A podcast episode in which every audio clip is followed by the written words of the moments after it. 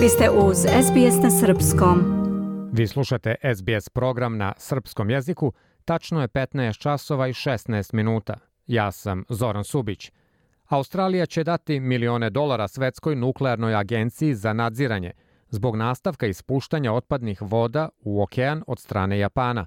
Japan je započeo kontraverznost u regionu time što je počeo da ispušta tretiranu nuklearnu otpadnu vodu u Pacifik i time podelio regionalne lidere po pitanju bezbednosti ovog poteza.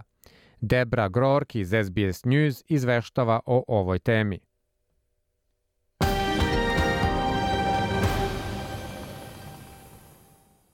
Japan je nedavno počeo da ispušta tretiranu nuklearnu otpadnu vodu u Pacifički okean. Ovo je bila odluka koja je proizvela široku zabrinutost – Pacifički lideri su već bili zabrinuti zbog uticaja koji ta voda može da ima na njihove države. A u Južnoj Koreji ovi demonstranti žele da njihova vlada reaguje i da zaustavi drugu etapu ispuštanja koja je planirana kasnije ovog meseca. Fishermen are suffering and have been left without a place to call home. Ribari već pate i ostali su bez onoga što nazivaju svojom kućom, tako da se nadam da ovo ispuštanje može da se zaustavi odmah. Kina se takođe protivila ispuštanju vode. Njihove ambasade su konstantno delile edukativni materijal preko državnih medija i objave o svom verovanju da ova voda ne zadovoljava bezbednostne standarde. Njihovo ministarstvo inostranih poslova je nazvalo ovo ispuštanje vode iz Japana ekstremno sebičnim i neodgovornim. Ali Rafael Grossi, direktor Međunarodne agencije za atomsku energiju, kaže da nema nikakvih razloga za brigu. What matters is what is in this water. Does this water contain Na kraju dana ono što znači je šta se nalazi u toj vodi. Da li se u ovoj vodi nalaze radionukleidi koji bi štetili našoj prirodnoj sredini? Da ili ne? I to je pitanje. I do sada smo uspeli nezavisno da verifikujemo da su nivoji tritijuma. Ne želim previše tehnički da se obraćam jer može biti dosadno, ali da li su nivoji jednog radionuklida koji bi mogao da bude problematičan ekstremno niski, ekstremno niski. Australija nije među onima koji su zabrinuti zbog ispuštanja tretirane vode. U avgustu je Odeljenje za inostrane poslove i trgovinu objavilo izjavu u kojoj se navodi da je Australija verovala u proces koji je doveo do odluke. Sada, Australija je dala svetskom atomskom regulatoru 3,5 miliona dolara u dodatnim financijama. Sledi izjava ministarke inostranih poslova Penny Wong.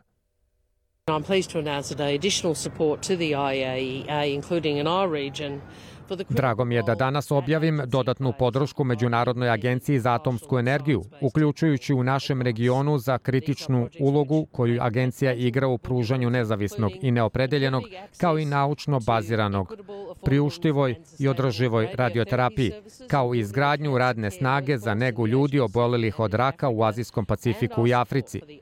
I naša podrška za globalnu laboratoriju za analizu vode u Međunarodnoj agenciji za atomsku energiju kako bi se kontrola vodenih resursa u Pacifiku i jugoistočnoj Aziji učinila održivijom. Senatorka kaže da Australija ostaje čvrsti podržavaoc atomske agencije u svojoj nameri da postigne mirnodopsko korišćenje nuklearne nauke i tehnologije, ali želi da ode čak i dalje od toga. Ministarka se sastala sa japanskim premijerom Fumio Kishidom dok su prisustvovali Generalnoj skupštini Ujedinjenih nacija u Njujorku, dok se nastavljaju razgovori o razoružavanju i smernicama o nepovećanju oružja. We all want a world without nuclear weapons. There is no world without nuclear weapons unless we have a treaty. Mi svi želimo svet bez nuklearnog oružja.